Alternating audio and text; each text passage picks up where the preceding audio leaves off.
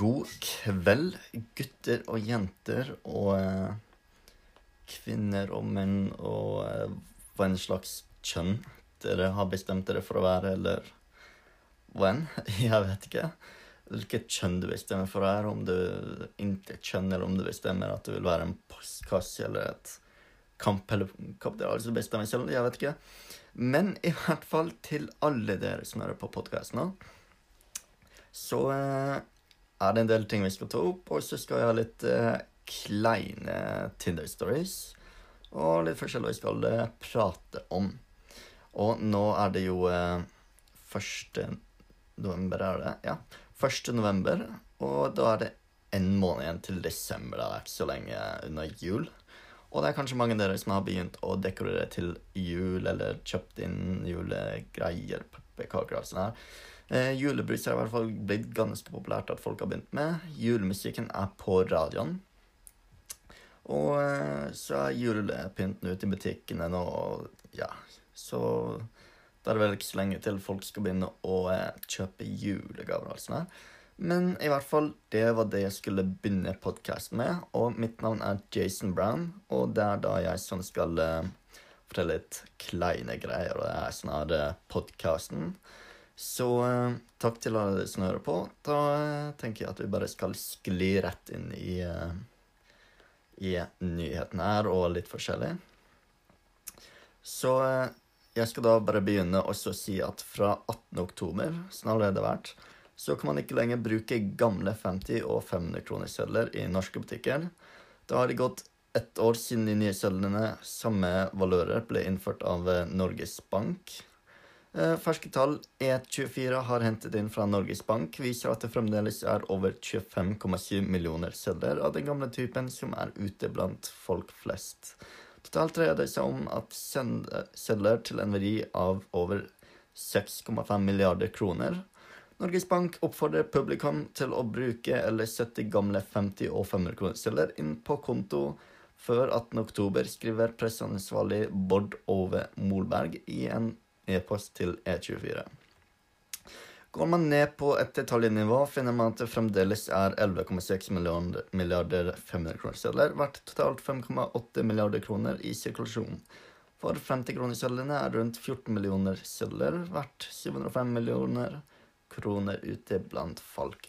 Så da oppfordrer jeg til alle som har de gamle sedlene, går i Norges Bank eller din lokale bank og eh, setter de inn. Og um, det kan veksles inn hos Norges Bank, skriver de at uh, Ja, at uh, du leverer det inn til din lokale bank, eller får de bare stort sett ut av livet, sånn at vi slipper å styre med det fremover. Så det var da litt av nyhetene jeg skulle begynne med nå, sånn at vi får eh, det ut av verden. Og da går vi inn til neste tema, som er da eh, forespurt av et par av dere lyttere at eh, vi skal snakke om seksuell trakassering. Noe som da er blitt ganske populært opp gjennom årene. Og eh, ja, så jeg tenker at vi skal snakke litt om eh, uønsket seksuell trakassering. Som kan være fysisk, eh, av og til psykisk. Og i denne artikkelen som vi skal lese, oppsummerer vi lovverk på dette området. Og da leser jeg bare fra eh, hva jeg har hentet ut her, og eh, hva som skal beskrive det ganske godt. Eh, seksuell trakassering defineres som regel som uønsket seksuell oppmerksomhet som oppleves som krenkende og plagsomt for den som rammes. Eh, Det er vanlig å skille mellom fysisk, verbal og ikke-verbal trakassering. Nummer én verbal trakassering, kanskje via f.eks. seksuelle hentutninger og forslag eller kommentarer om kropp, utseende eller privatliv. Nummer to ikke-verbal trakassering dreier seg f.eks. om nærgående blikk, kroppsbevegelser, visning av seksuelle bilder, plotting og lignende. Nummer tre, og ikke minst sist, fysisk trakassering omfatter alt fra uønsket berøring, klemming og kyssing til overgrep som voldtekt og voldtektsforsøk. Seksuell trakassering forekommer også i utstrakt grad på nettet, på sosiale medier, e-post eller tekst- og eller bildemeldinger. Eh, så en del av dette er jo stort sett alt som kan være seksuell trakassering, da. Og det er ganske mange i dag som da overdramatiserer seksuell trakassering, da. Så hvis en gutt sier at du har en fin rumpe eller fine pupper, så er det ganske mange som ser på det som seksuell trakassering, da. Og jeg vil ikke akkurat si meg i samme gren som de at jeg er en som de, da, men jeg vil jo si at type At folk antyder det som seksuell trakassering, er, er kanskje litt sånn overdramatisering, kanskje. Folk blir kanskje sure for det jeg sier nå, men seksuell trakassering er ganske overdrevet nå i 2019 og kommer sikkert til å bli mer og mer av uh, etter årene. Derfor jeg synes at hvis noen sier at du har fin rumpe, fine pupper, eller sånt, så er det fordi du kanskje har det, og jeg syns ikke det skal se på som, som, som seksuell trakassering. Jeg syns det skal tas som et kompliment i stedet for at du skal se på det negativt. Så i stedet for å se på det negativt, så kan det ses på som positivt. Og jeg syns ikke man skal tenke så fort på negativt. Fordi alt nå til dags er blitt negativt i stedet for positivt. Så hvis noen sier at du har fin rumpe eller fine pupper, eller noe venn de sier, så kanskje det burde tas som et kompliment i første blikk på det, da. Fordi oss de sier det kanskje fordi du har det, og jeg syns man skal være stolt av den kroppen man har. Hvis noen sier det, så syns jeg bare man skal si takk. Og hvis det er noe som skjer videre, at de sier at de vil ha sex eller noe sånt der med deg, så begynner det sakte, men sikkert å tre mot seksuell trakassering. Uh, så det var det. Jeg tenkte ikke at jeg skulle gå så veldig inn på det, for at det er et sånn sånn type tema som egentlig ikke jeg syns er noe stort å eh, sette opp da og prate om. Fordi uansett hva jeg sier, så er det kanskje veldig mange som bare unngår å høre på det. da. Men det får folk bestemme selv. Men i hvert fall det jeg håper og tenker, at folk ikke skal se så negativt på absolutt alt og kalle alt trakassering og alt det her. For det er så overdrevet, og jeg syns bare det er så dumt. Men i hvert fall nå så skal jeg tre unna det temaet for akkurat nå. Og vi kommer kanskje opp til det etter hvert i kommende podkaster og det. Eh, så akkurat nå så er vinter og kaldt og herselig, rett og slett, for å si det sånn. Så tenker jeg at vi skal snakke litt om varme og bekledning på vinteren. Så i hvert fall av rapporten her til Forsvaret, som vet kanskje best om hvordan du skal kle deg ute i minusgrader, så tenker jeg at vi skal, eh, skal kanskje lære litt om det, for at det er veldig, veldig gode tips her. Så hva de sier, er at man skal ha ull innerst overalt. Den normale påkledningen for soldater i aktive ute om vinteren er tre lag med klær. Og ganske mange synes kanskje det er ganske overdrevet, eller at det er mye å kle på seg tre plagg, men derfor vi kler på oss tre lag eller mer, med, mer, er fordi at hvis det blir for varmt, så går det an å ta av seg et plagg og legge det unna. Så det de sier, er et lag ull innerst, og da funker ikke bomull overhodet ikke. Også bokseshorts og bh må være ull. Det er det mange som glemmer, råder Harald Østby. Så ordentlig ull og ikke noe syntetisk eller falsk ull hjelper veldig lite. Så ull innerst holder godt på varmen, og ikke minst så holder luft og isoleringen veldig godt. Et lag tykkere ull eller flis som andre lag er veldig bra. Da holder du ekstra godt på varmen. Og et vindtett eller vannavstøtende lag ytterst. Tettvevd, pommel eller membran. Så så uh, Så lenge eller det jeg anbefaler, etter min erfaring, så er det da også å ha noe sånn vindtett og sånn ikke blir vått. Og, så det betyr at du skal holde varmen ganske godt.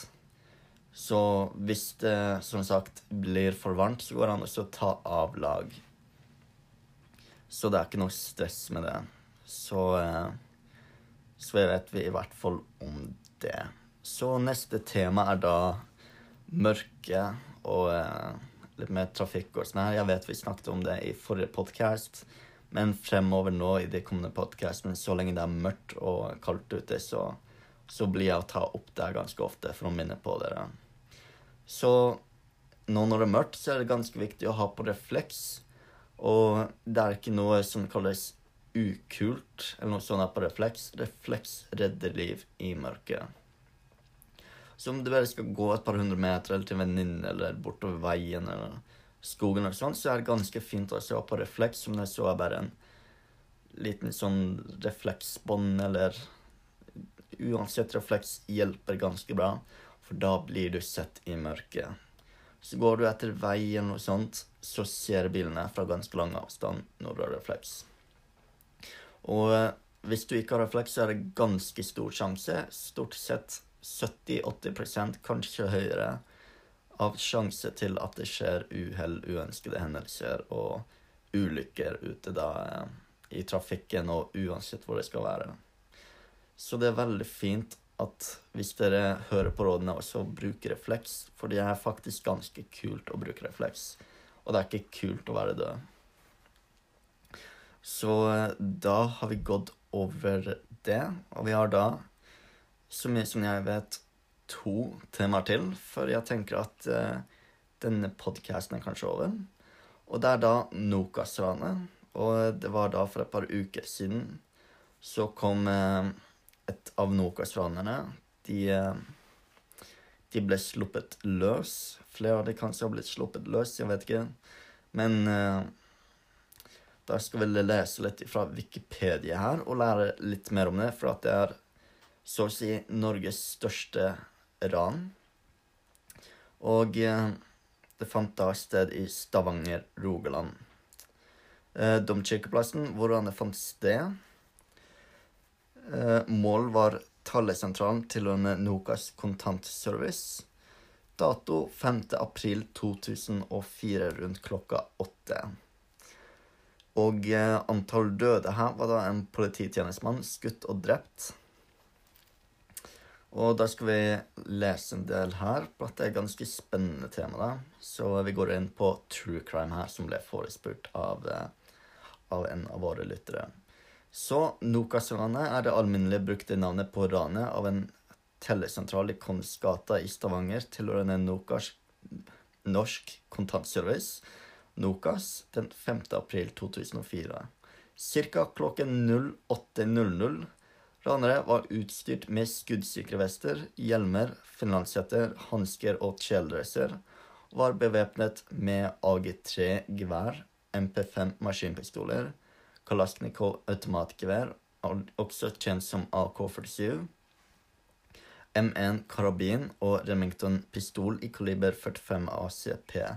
Samtidig som tellesentralen ble angrepet, ble utkjørselen fra Stavanger politistasjon blokkert med en Volvo lastebil som ble satt i brann.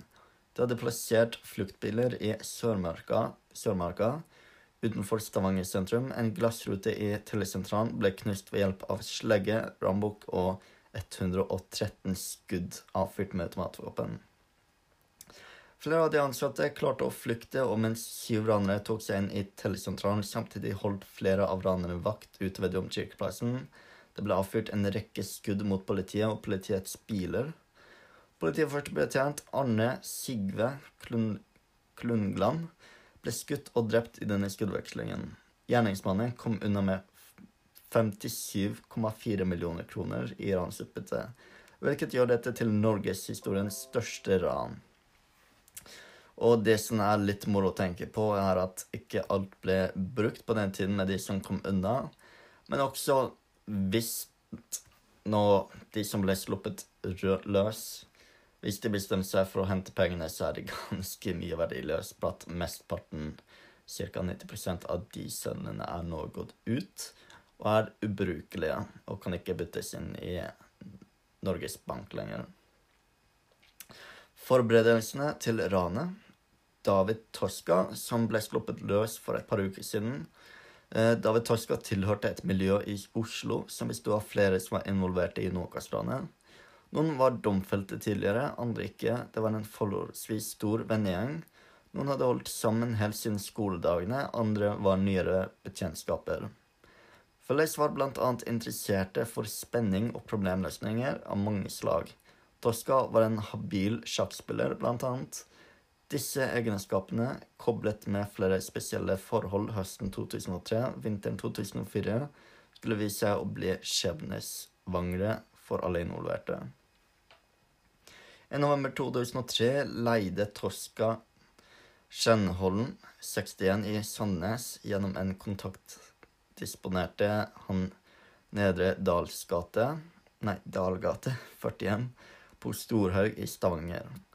Han bor i Skjenholmen med sin samboer og sin nyfødte sønn. Senere leide Kjell Allerich Schumann en sokkelleilighet på Hundvåg rett utenfor Stavanger. Leiligheten i Nedre Dalgate ble brukt som dekkeleilighet etter ranet. Ransutbyttet og flere av ranerne oppholdt seg der. Senvinteren 2004 prøvekjørte ranere fluktruten fra Stavanger sentrum til Sørmarka. Ruten gikk delvis lang gang sykkelstier, med noen av dem uferdige. Deruten gikk langs sykkelstier eller i undergangen, gikk ranere opp ruten for å ikke vekke unødig oppvekst. Hva politiet visste Under tingrettsbehandlingen av Nokas-ranet kom det frem at politiet var godt orientert om faren for et anslag mot Nokas i den aktuelle perioden. Visepolitimester i Stavanger, Arne Hammersmark, gjorde gjorde rede for følgende punkter i sin forklaring. To Ford Expedition var blitt stjålet på Hamar. En Volvo XC, som angivelig kunne knyttes til Kjell Arlish Schumann, var blitt observert. Samtidig var flere minibanker sprengt. Alt dette skjedde på det indre Østland, hvor den etterlyste Schumann var kjent for å operere. Flere sentrale personer i ransmiljøet var godt under jorda. Det gikk rykter om at enkelte av dem kunne ha tatt opphold i Stavanger-området. Vektere hadde observert mulig spaning på Nokas-lokalet og en pengetransport. Ransforløpet Spesielt blanding her. Ransforløpet eh, 0330. Syv eller åtte ranere blir hentet i rekkehuset i Skjenholmen. Kjørt til oppmarsjplassen i et skoghold i nærheten av Tenningsland. Armen returnerte så til Skjenholmen og hentet de restaurerende ranere samt madrasser, sengetøy og annet utstyr som skulle dynkes med brennbar væske, og påtennes i lastebilen som skulle sperre utkjørselen for Nei, fra politikammeret. Beklager, det, det, er litt liten skuff her, så litt vanskelig å se. Men jeg håper det går bra. 06.55 Kjell Aller Schumann observeres på domkirkeplassen, trolig Ridwan Halimi i fjorden. En hvit lastebil med overbygd plan blir observert ved Brødrene Kvellands gamle lokale på Lagårdsveien. 07.00 en Ford Expedition med påsatt registreringsnummer Bravo Papa 50471 passerer et overvåkningskamera på Lagårdsveien 3. Sekunder senere plasserer den stjålne lastebilen. 0716. Forden passerer den samme overknallingskammeret i motsatt retning, bort fra sentrum. 0729. Den tredje ransbilen, en solvgrå Saab 95 med påsatt registreringsnummer Delta Kilo 38262, passerer overvåkningskamera på Lagårdsveien. 0740 alle elleve ranere er samlet på andre siden av gaten for overvåkningskammeret på Lagårdsveien. De er da kledd og væpnet for ranet. 08.00 Jonny Tendrup kjører den hvite lastebilen ned i oppkjørselen til Stavanger politistasjon i Lagårdsveien og setter fyr på den. Han kaster også flere beholdere med tåregass foran hovedinngangen til politistasjonen. 0801 en Range Rover med påsatt registreringsnummer Alfa X-ray 72271 parkerer utenfor tellesentralen. Sekunder senere passerer Saben og parkerer utenfor ruinene av Mariakirken. 0802 Range Roveren har satt av ranere og snur nå for å ta oppstilling utenfor handelshus. Ranere kledd mørke kjeledresser, gassmasker og hjelmer forsøker å slå seg inn i Nokas-lokalet fra bakgården med slegge og rambukk. Spesialglasset gir ikke etter. Spesialglasset er da eh, Jeg skal bare fortelle kjapt at spesialglasset er skuddsikkert. og er ganske sterkt, og er da laget for at slike ting skal holde. 08.03 David Torska skyter først selv mot spesialglasset, som får inn i Nokas fra bakhånd. Ransalarmen utløses. Torska henter sjumann, som tømmer flere magasiner med sitt AG3-gevær mot ruten. Ca. 120 skudd avfyres. Ruten faller inn. Uh, da meningen med det her, for dere som ikke har sett dokumentaren Der er en dokumentar ute som kan også finnes på YouTube hvis dere søker på Nokas-ranet. Og det var da sagt at da ordet skulle være kjeks. Det skulle knuses som kjeks, ganske enkelt, men det var da egentlig ikke så enkelt. 0805 Jonny Tendrup, som har satt fyr på den hvite lastebilen utenfor politistasjonen, setter seg i Forden sammen med Halilimi og kjører mot Domkirkeplassen. 0807 Forden ankommer Domkirkeplassen og stopper ved siden av Saben. 0808 Politibetjentene Erik Haaland og Steffen Tesen ankommer Domkirkeplassen i en Volvo politibil. De stopper i Kirkegata og tar oppstilling på hjørnet av Hennes og Maurits. Uh, inne i Yttersentralen begynner minst syv ranere å pakke kontanter ned i mørke bager. Ransbeløpet utgir 57,4 millioner kroner. 0810 Kjell Alrich Schumann går ut av Nokas-bygget og ned mot Klubbegaten. De andre ranere holder vakt ved Saben, som er parkert ved de rekonstruerte ruinene av Mariakirken. En av dem er Jonny Tendrup. 0812 Den sivile politimann Fred Sørling ble overrasket av Kjell Alle Schumann i krysset Kongsgata, Klubbgata. Schumann sikter på Sørling med AG3-geværet og spør hvem er du. Sørling svarer ikke, men rekker hendene i været. Kom hit, sier Schumann og kommanderer Kjelleng i bakken. 0814 skuddveksling mellom politiet og ranere over Dimkirkeplassen. Jonny Tendrup blir skutt i høyre lår av politibetjenten Eirik Haaland. Haaland løsnet totalt 17 skudd under ranet. Hans kollega Thesen løsnet tre skudd. Um, bla litt ned. 08.15. En passerende syklist, Olav Arnt Hopsdal, blir lagt i bakken av ranere som står sammen med Tendrup. Hopsdal tror under hele, for, tror hele ransforløpet at det er politimenn som har lagt ham i bakken. Først da ranere krasjer, begynner han å stusse. 08.17. Kjell Allof Schumann skyter med AG3 mot politiets kommandobil utenfor Maritim hotell i Kongsgata. I kommandobilen sitter politiførstebetjent Arne Sigve Kløngland. Kløngland rygger bilen, men må stoppe da han møter en buss. Han blir truffet i hodet av et av skuddene og dør etter kort tid. Den sivile politimann Fred Schelling rømmer idet det skifter magasin, skifter magasin eh, eller stiller sikte på sitt eget tregevær. Forklaringen avviker. Skjelling melder senere over sambandet jeg ble tatt til gissel her i sted. Jeg ble lagt i bakken. Han skøyt meg skarpt rett over hodet på meg. Jeg, jeg er kommet meg unna. Han måtte lade om. 08.19 ranere forlater Domkirkeplassen i de tre bilene. Toska sitter i Forden på vei ut av Domkirkeplassen, kjører Range Roveren inn i høyre forskjerm, støtfanger på sabben. 08.25 usikker tidsangivelse. Ransbilene stopper i nærheten av bilbyttestedet i Sørmarka. Ståfanger til Sabben skraper i asfalten. Torska og Halimi kommer ut. Hva skjer her? spør Halimi. Han har fått streifeskudd i hodet. Støtfangen på Sabben rives av og etterlates. 08.30 De tre ransbilene brenner opp på parkeringsplassen ved Trafo stasjon ved Sørmarka sørvest for Stavanger sentrum. Ranerne tar seg videre i ventende biler. Arne Svigele Beklager. Arne Svige Klungland. Klungland, født 1950, var en norsk politiførstebetjent og ble drept under Nokas-ranet. Han vokste opp i Flekkefjord, var gift og hadde to barn.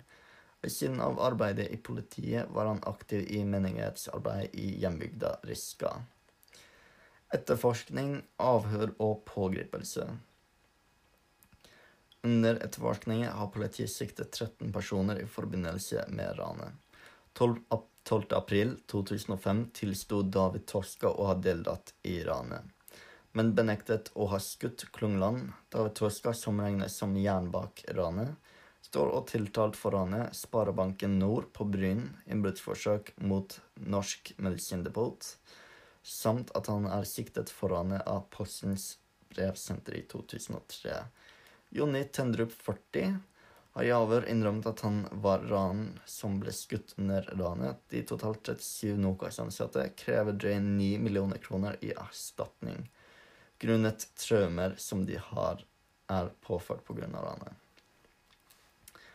Eh, og da lurer jeg på Syns dere det er rett at de skal få millionerstatning for å få traumer? Eller hva synes dere? Eh, I hvert fall tiltalte, forsvarer og dom. Oversikt over de tiltalte, respektiv forsvarsadvokat i parentes, samt den enkeltes dom.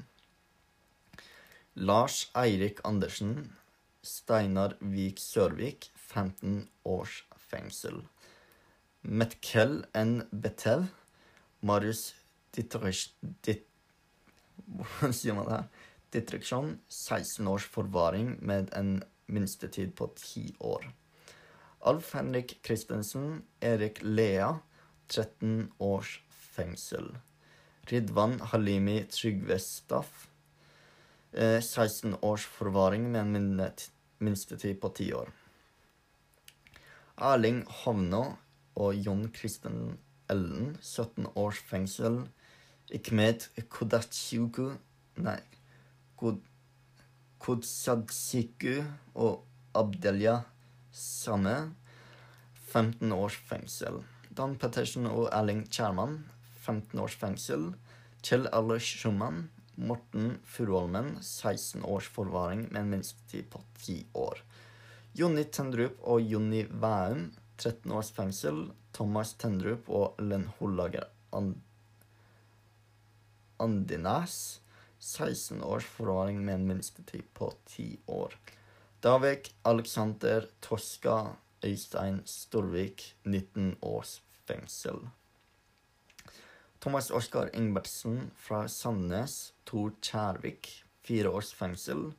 Fiskebåteier William Pettersen Joakim Ronald, seks års fengsel. Eh, forløpt av rettssaken i Stavanger tingrett. David Toska innrømmer 22.9. å ha deltatt i ranet. Erling Havnå sa seg delvis skyldig i henhold til tiltaten i sin forklaring 26.9. Eh, da tenker jeg at vi har vel eh, lest ganske mye om det her nå. Og eh, podkasten begynner allerede å gå mot over en halvtime nå. Så eh, da dropper vi noe Nokas-ran-tema, true crime, for nå. Og hvis det er noen spesielle true crime-historier og uh, fakta og sånn dere vil høre, så får dere kommentere det. Eller uh, si ifra. Dere finner ut hvordan dere gjør det. Jeg skal la dere få være et par detektiver som skal uh, finne ut hvordan eh, dere kommenterer til meg hva dere vil høre. Også så blir dere da spurt på Snapchat hva dere vil høre. Da går vi da til den siste tema, som er da kleine Tinder stories. Som et av lytterne hadde veldig lyst til også å la meg lese opp, så jeg fant da den eh, kanskje en av de mest kleineste Tinder-storyene som jeg har klart å finne. Og det heter da det gule kyss. Alle forventer slutten av natten for det etterligne første kysset. Det folk aldri forventer, er hva som skjedde med denne uheldige jenta. La oss bare si et slurvete vått kyss var det minste av hennes bekymringer. Tinderate med en berømt kokk, hvor jeg ble ført til et, uh, en dykkerbar, hvor han straks begynte å snakke om hvor berømt han var. Vi drakk og så på sport. Han fortsatte med å fortelle meg 'du er søt'. Dette gikk til slutt til 'jeg skal få deg til å blø'. Han inviterte deretter en av venninnene til å komme med. Jeg gikk utenfor, og han kom for å kysse meg. Jeg var full, så jeg kysset tilbake. Etter hvert fortsatte han å fortelle meg hvordan han ble siktet for å ha slått sin ekskjæreste, men han gjorde det ikke helt. Etter hvert, når det var tid for å betale regningen, mistet han lommeboken. Selvfølgelig ble jeg fast med den. Jeg betaler deg tilbake. Unødvendig å si at jeg aldri fikk betaling. Så lente han seg mot meg. Jeg trodde han først prøvde å kysse meg igjen, men jeg så ned, og han tisset på meg. I gata tisser på meg. Eh, jeg gikk raskt for å være bedøvet til å kjøre bil, og skaffet meg et hotellrom og en varm dusj. Um, aldri igjen. Ja, dette var selvfølgelig ikke en helt vellykket Tinder-date, vil jeg akkurat si, men uh, uh, shit happens. Så ja. Jeg tror vi legger ned PC-en der. Det var litt uh, kleint. Um, så ja, det var um, Det var spesielt. Men da tror jeg jeg sier meg takk for i kveld med podkasten. Klokka er 00.10. Og jeg tror jeg skal uh, gå og se på litt film eller noe sånt. Jeg tror jeg må vaske både øynene og ørene for det. For den historien, den, det gjorde egentlig litt vondt i sjela av å høre det der. Så i hvert fall tusen takk til alle dere som har holdt ut med stemmen min og mine historier, nyheter og true crime og hva enn jeg har snakket om. Ja. Jeg husker ikke helt. Men tusen takk til alle dere som har hørt på. Og vennligst send meg en melding eller kommenter eller hvordan enn dere klarer å finne ut hvordan dere skal sende melding til meg, hva dere vil høre i neste podkast. Så eh, takk til alle dere som har hørt på, og så håper jeg dere får en utrolig fin kveld videre. Og at dere har kost dere mye på halloween. Og eh, det blir mest sannsynlig å snakke litt om jul etter hvert. Så eh, jeg håper dere har kost dere mye med dagens podkast. Ikke dagens, men kveldens podkast. Og eh, jeg håper dere koser dere videre, og ha en fin kveld eller dag videre. Ha det.